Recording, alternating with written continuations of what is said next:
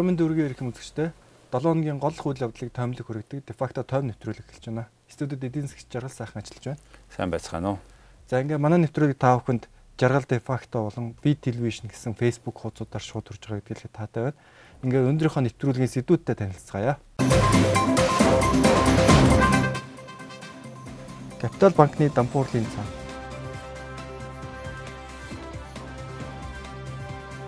багшийн хөгжил, улсын хөгжил.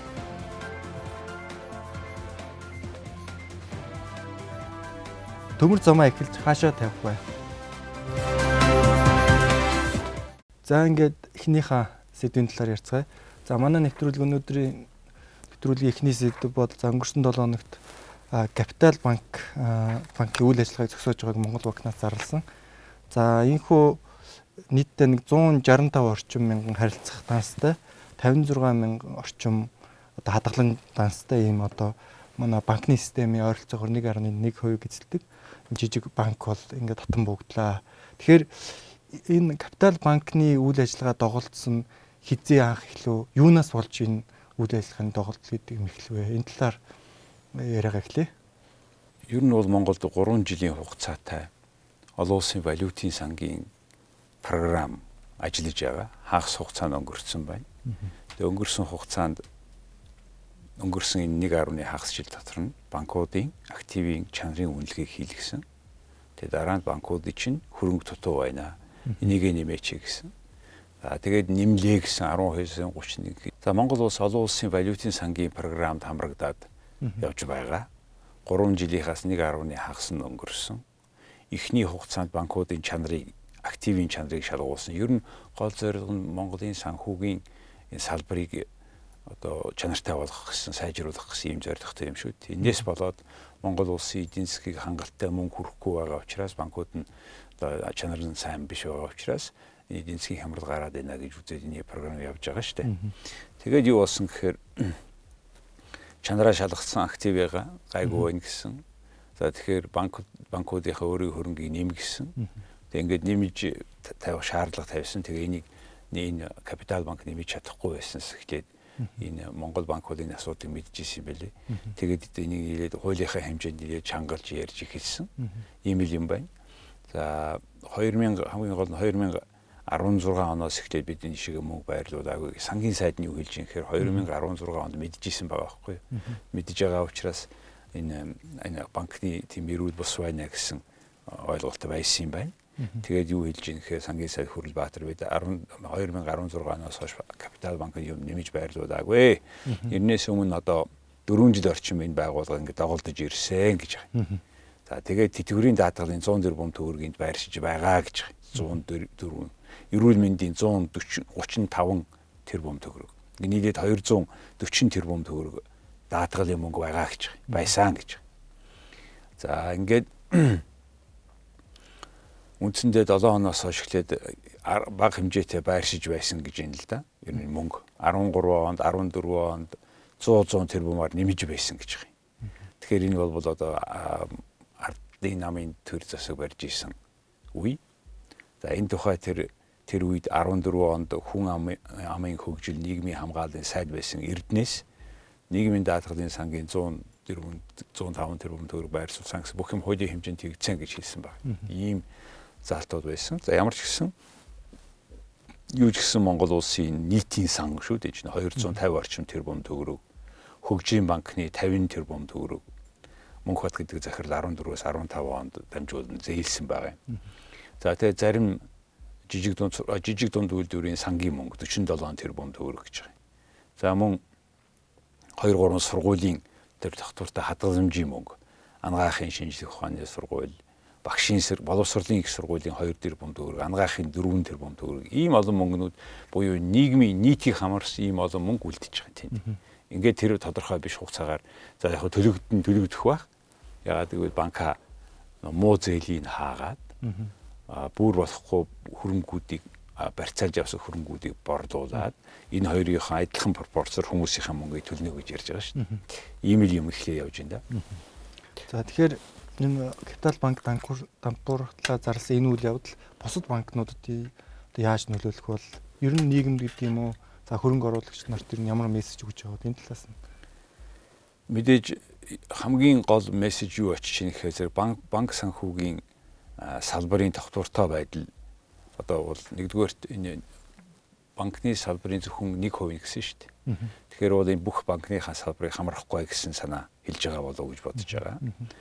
Тэгэхээр э, нэгдүгээр за хоёрдугаарт Монгол банкны гаргасан одоо энэ шийдвэр юу хэлж ийн гэхээр хуулиар тогтоосон бүх дүрм журмыг зааврыг заавал чанд мөрдөж ажиллах ёстой гэсэн мессежийг бусад арилжааны банкуд дээр очиж байгаа гэж үзэж байна.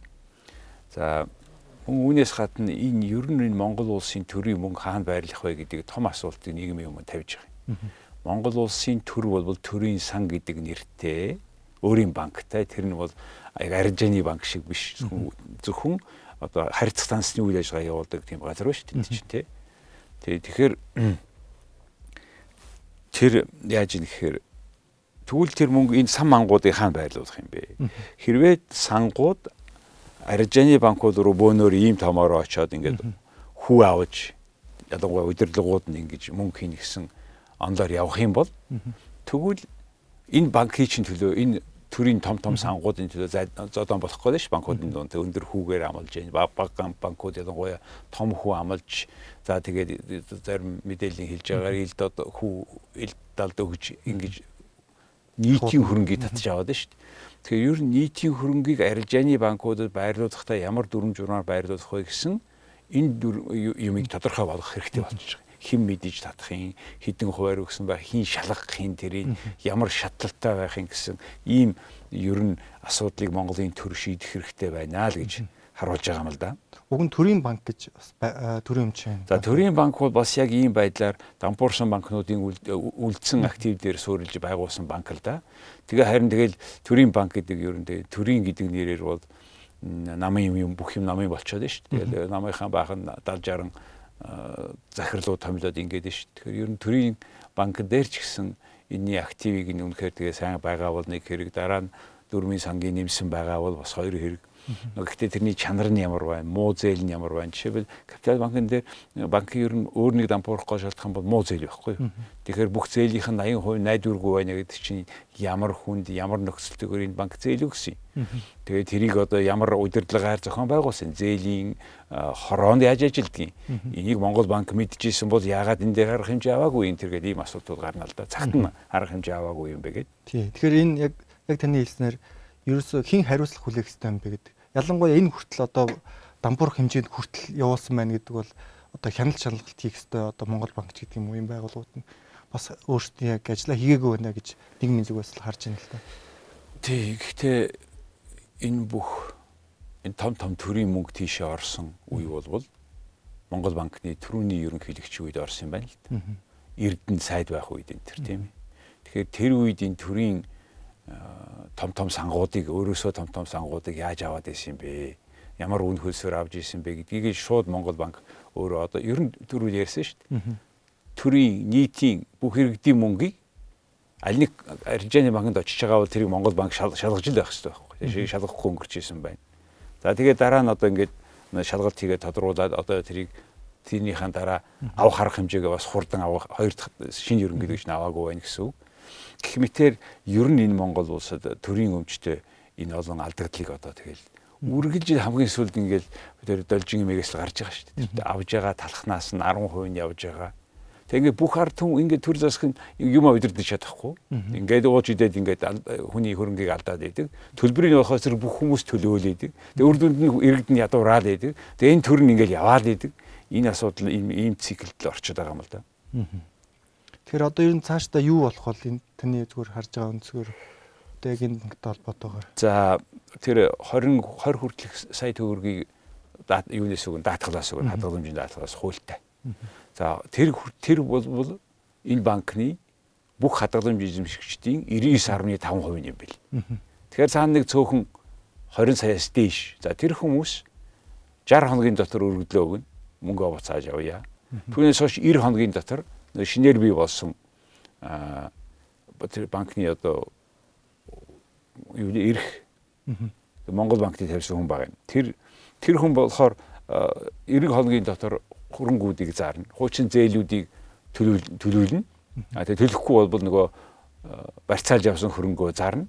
Гэхдээ энэ хооронд энэ энэ зээл нь хууч болохгүй байгаа зээл нь хувьцаа эзэмшигчдтэйгээ холбоотой байна уугүй гэдэг асуудал ноцтой л доо. Хэрвээ холбоотой байгаа бол тэр хүмүүсийн хөрөнгөний асуудал гарна л да. Ягаад гэвэл нөгөө хувьцаа эзэмшигч чинь ер нь холбоотой этгээдэд хөрөнгөний өөрийн хөрөнгөний 5%-аас хэтрэхгүй зээл өгөх ёстой гэдэг банкны хууль байдаг. Тэгээ тэрнээс хэтэрсэн байгаа бол тэгэхээр энэ банкн дээр нөгөө хамгийн том хувьцаа эзэмшигч нь өөрөө гүйцэтгэх захирал хийж байсан учраас ийм магадлал нь өндөр байна л да. Хэрвээ тийм л магадлал гараад үнэхээр 5-аас илүү хуваар өөртөө өөртөө холбоотой компанитай юм уу янз бүрийн нэрээр хамаагүй. Гэхдээ холбоотой компани зээл өгсөн болбол нөгөө энэ компани эзэн эзний хөрөнгө рүү орох ийм байр суурь үндэс суурь бий болчиход байгаа юм л да. За ингээд нэвтрүүлгийнхаа хоёр дахь сэдвээр орцгоё. Өнгөрсөн 7 хоногт болсон нэг үйл явдал бол за багшийн 7 дугаар одоо багш нарын их хурал гэж 7 дугаар их хурал гэж болсон. За энэ их хурал болохоор орон нутаг ялангуяа хөдөө орон нутаг сум аймаг за тэгээ дүүрэг дүүргээс одоо багш нарын төлөөлөл ирсэн. За мөн энэ чиглэлээр ажилладаг төрийн бус байгууллагууд, төрийн байгууллагууд гээд ер нь боловсролын чиглэлээр ажилладаг маш олон хүмүүс нэгдэж юм төрийн ордонд чуулга уулздаг хийлээ. Тэгээ энэтэй холбоотойгоор та багшийн хөгжил, улсын хөгжил гэдэг нэртэй нийтлэгдсэн байлээ. Ер нь яагаад багшийн хөгжил бол улсын хөгжилд маш чухал үүрэгтэй юм бэ? Энэ талаар та ярьж өгөөч. Тийм. Улс орны хамгийн том баялаг бол хүн ард. А хөгжлийн гол зорилго бол тэр хүн арданд сайн сайхан амьдрах ёстой. Аз жаргалтай амар амгалан сайн сайхан амьдрах ёстой. Тэгэхээр хүнийг баяжуулдаг, зэсийг баяжуулдаг үйлдвэр гэдэг шиг хүнийг баяжуулдаг тэр үйлдвэр чинь сургууль тэр ажиллаж байгаа хүмүүс нь багш нар, сургууль хүмүүжүүлэгчид энэ ажилтнууд боловсролын салбарын тийм ээ. Тэгээ энэ хүмүүсийн хөгжилд анхаарч иж яг хүн хөгжин, хүн хөгжиж улс хөгжин гэсэн энэ санаагаар хэлж байгаа маа. Ер нь бол Монголд 50 орчим мянган багш байна. За мөн ингэж байгаа юм л да. Боловсролынхаа салбарт нэлээд мөнгө ордог, зардаг орнууд нэг боловч хамгийн өндөр манайх биш. Дэлхийн хамгийн одоо нэгдүгээр хамгийн сайн боловсролтой гэдэг Финлянд орнд дотоодын нийт бүтээгдэхүүнийхээ 7.1%-ийг 2015 онд зарцуулсан байна. 7.1%-ийг.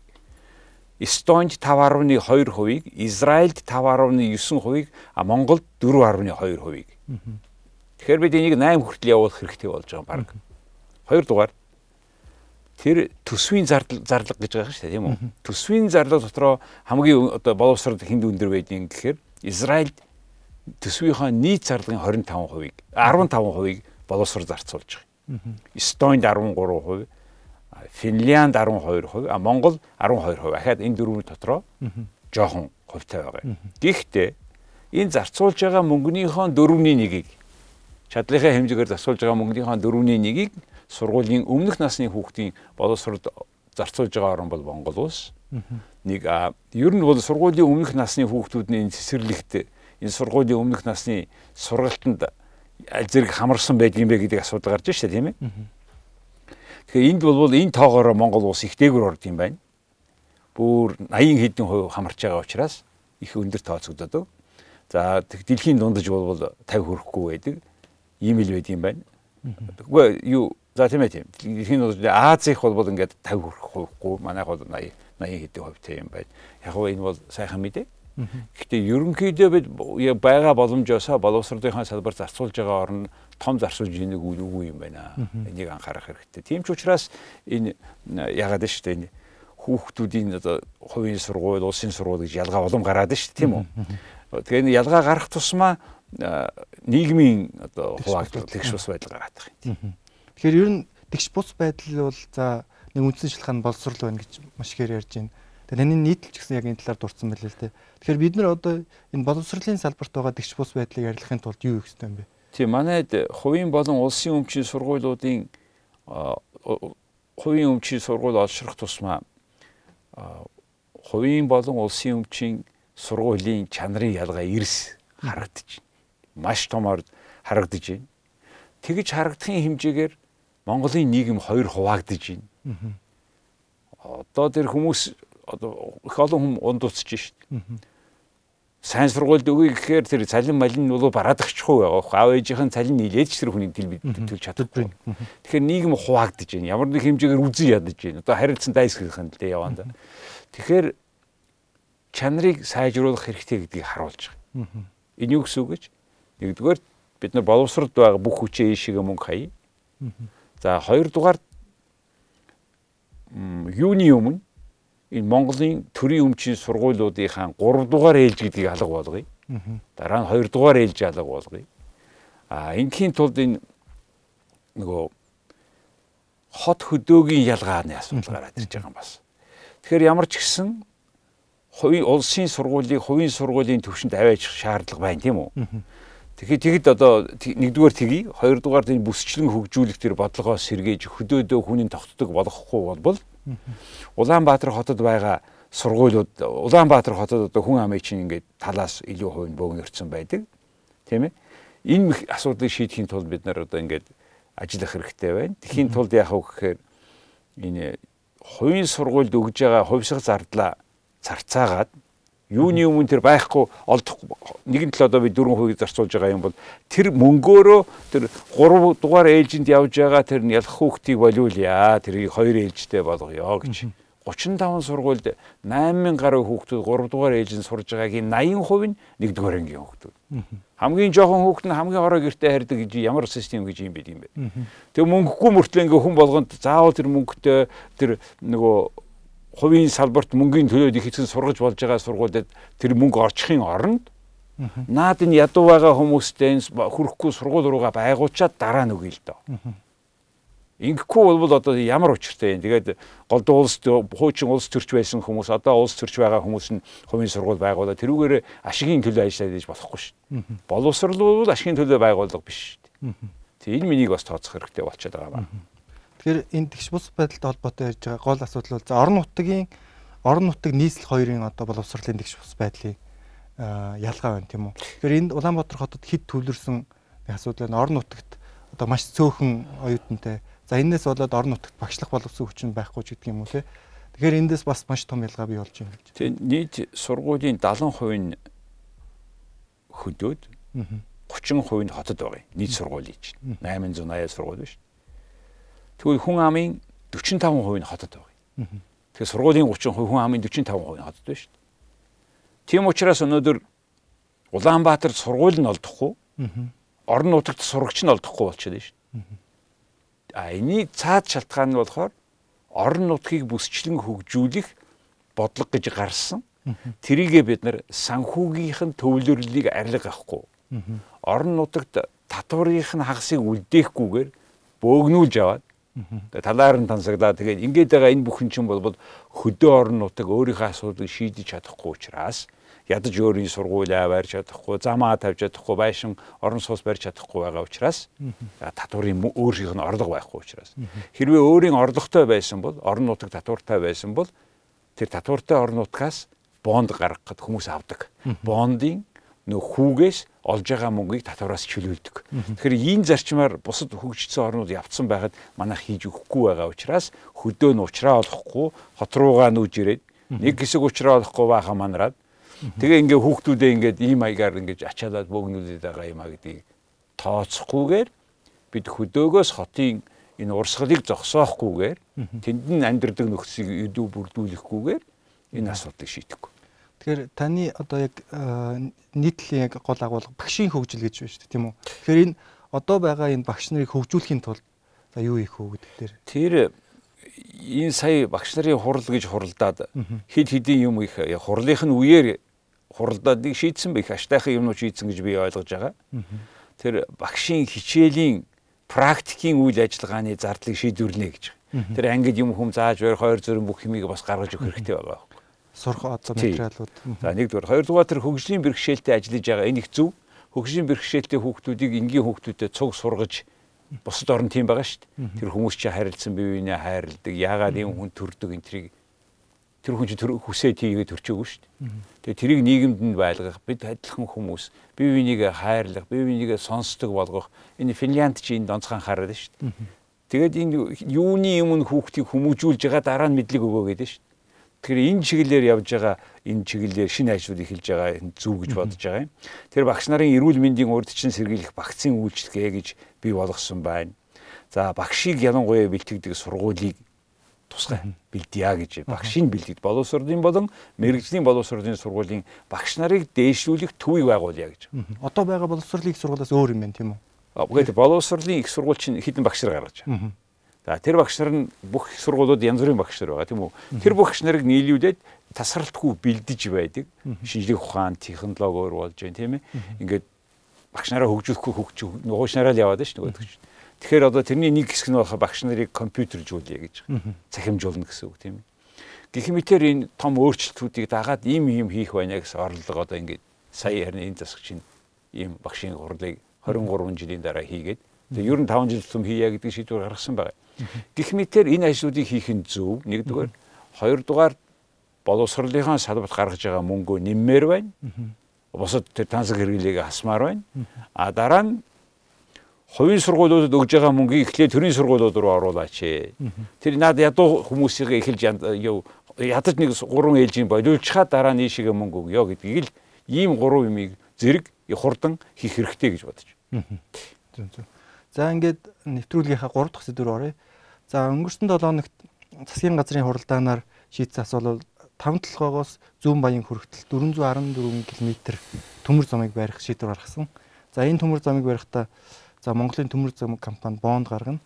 За мөн 700 тэрбум 750 тэрбум төгрөгийг Эрдэнэс 5 толгой компани цэвэр ашиглаас 2018 оны цэвэр ашиглаас гаргана гэсэн. За ийм шийдвэр гарсан мөлий. За бас энэхүү төмөр замыг барихдаа Монгол улсын цэцэгт хүчний жанжин ста би хийлгэнэ өөрөөр хэлбэл цэргүүдээр хийлгэнэ гэсэн. За ингэснээр за ер нь бол 3 дахин хямд өртгөөр энэ төмөр замыг барих юм аа гэсэн ийм шийдвэр гарсан байл л дээ. Тэгэхээр ер нь эхлээд ер нь хаашаага төмөр замаа тавих хэрэгтэй юм бэ? Энэ талаас яриага эхлэе. Их сонин. Бид нар ч урагшаага төмөр зам эхэлсэн шин. Аа. Тэгээд дутуу хаягдцал болохоос биш. Гэхдээ тэгээд тэр ихсэн юм а дуусахгүй дараа юм барина гэж одоо юу яриад байгаа. Аа Ихэлсэн юмны тэр 280 сая доллар яг юу хийсэн, яасан нэг баахан хэрэг төвөг ороод ерөнхийлөгч сайд байх үеэс нь ахуулаад ингээд яригдал ийсэн.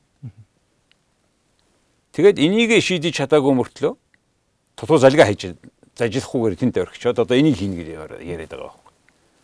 Гэхдээ тэгээ энэний мөнгө хэн төлсөн бэ? Ахаал бид нар төлсөн байгаа шүү.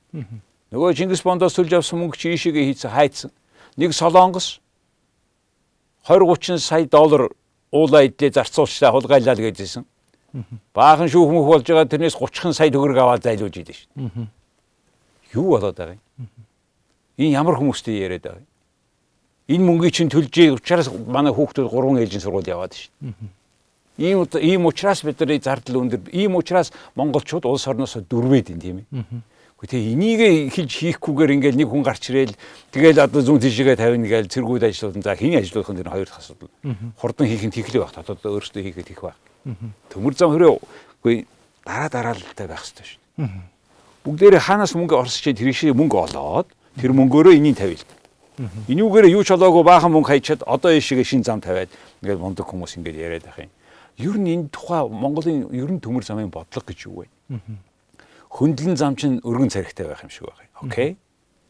Нөгөөд бид нар хөршүүд руугаа өөрсдийнх нь царгаар гаръя гэж ярьсан шүү дээ. Тэгвэл урагшаага тавих замаа тэгвэл нарийн нар нь гараад дараа нь тэр хоёр зүүн урдлаас, урдлаас, баруун урдлаас гарсан хөршийн замууд хөндлөн явахдаа өөрсдийнхөө дөрвөн царигтай байж болно шүү дээ. Дөрвөн төмөр замтай.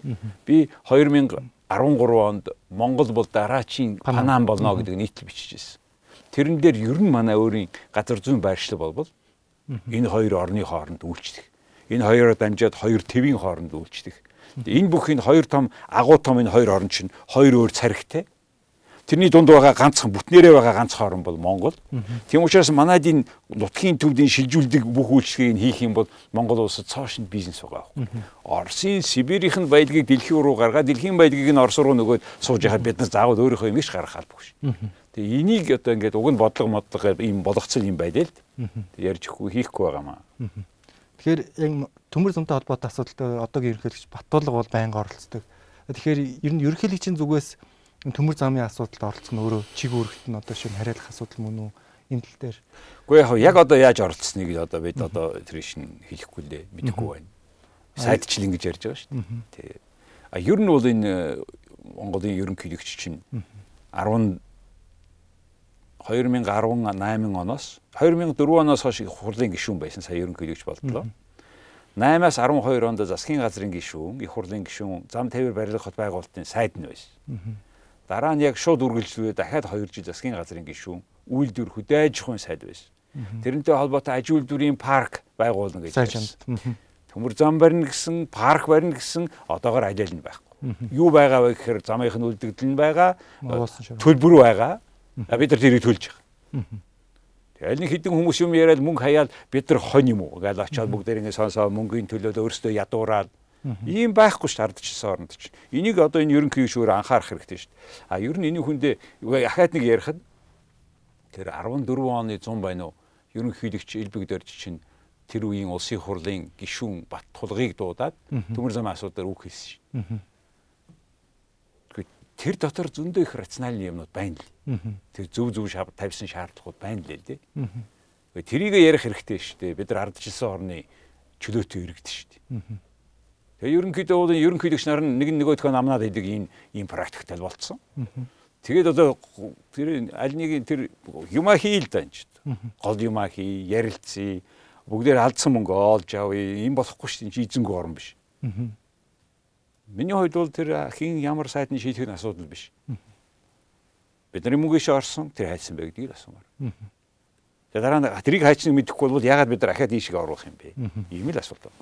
Тэгэхээр за энэ төмөр замыг зүүн тал зүүн тишээгээ төмөр зам тавина гэдэг ийм шийдвэрт за зарим одоо судлаачдын хувьд бол энэ Оросын холбооны улс ярангуяа гэж Путинтэй холбоотой нөлөөлсөн байж магадгүй. Ер нь бол за Монгол улсад ерөнхийлөгч Путин бас айлчлах гэж байгаа юм билээ. Тэгээ энтэй холбоотой шийдвэр гарсан болов гэсэн ийм хардтал байна. Та энэ дээр юу гэж хэлэх вэ? За үгүйсгч юу байх вэ? За хойд том хөршийн супер орны супер дарга ирж байгаа нь бол таатай л хэрэг. Аа тэгээд тэр ирэх нь бол одоо манай ус ус хэрэгтэй байна бид ингэ суугаад ярмаар байна. Гэхдээ ярьсан юм нь үр дүнтэй баймаар байна. Яг 5 жилийн өмнө 14 онд энэ хүнийг ирэхэд Путин гэдэг ерөнхийлөгчийг ирэхэд Улаанбаатар төмөр зам хувь хувь нийлүүлсэн компани Монголын талын хувь нийлүүлэгчийн бүрэн эрхийг хэрэгжүүлэгч Монгол улсын зам тээврийн сайд ганс үг. А Оросын холбоот улсын эзэмшлийг хувьцаад хувьцааг итгэмжлэн захирагч Якунин гэдэг хоёр хүн Улаанбаатар төмөр замын шинжилэл хөгжлийн стратегийн хамтын ажиллагааны тухай хилцээрт гарын үсэг зурсан. 14 оны 9 сард. Тэрний заалтанд Улаанбаатар төмөр замын одоо байгаа коридорыг жилд 100 сая тонн хүртэл ачаа тээвэрлэх хүчин чадалтай болгох Ингэхдээ Улаанбаатар төмөр замыг цахилгаанжуулах хос болгох. Хаа байгаа нэр юуных нь хос болгох.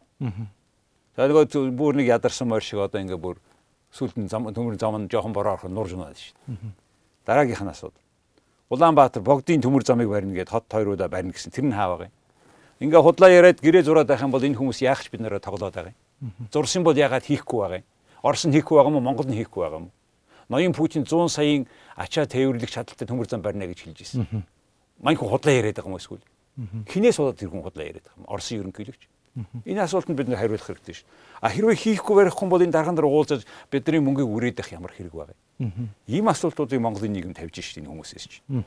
Тэгэл ингээд айгу том нэг дарга ирэхийн тэгэл гарын үсэг зурхын тэг юу ч хийхгүй бол яах шийддэг яах зурдгийг. Ийм асуудал монголчууд тавьж шít өнөөдөр. Төмөр зам 40 хэд онд байгуулсан татвар төлдөг. Энэ хоёр төрийн хоёулаа ер нь энэ хоёр төр хизээш менежментээр дэлхийд тэргүүлж байгаагүй. Тэгээ ийм нэг юм дампуу юм хийчээд худлаа яриад юм барихгүй хүн аваар гараад осол гараад дарга нар нь ууж идээд хичнээн жил ингэж явах.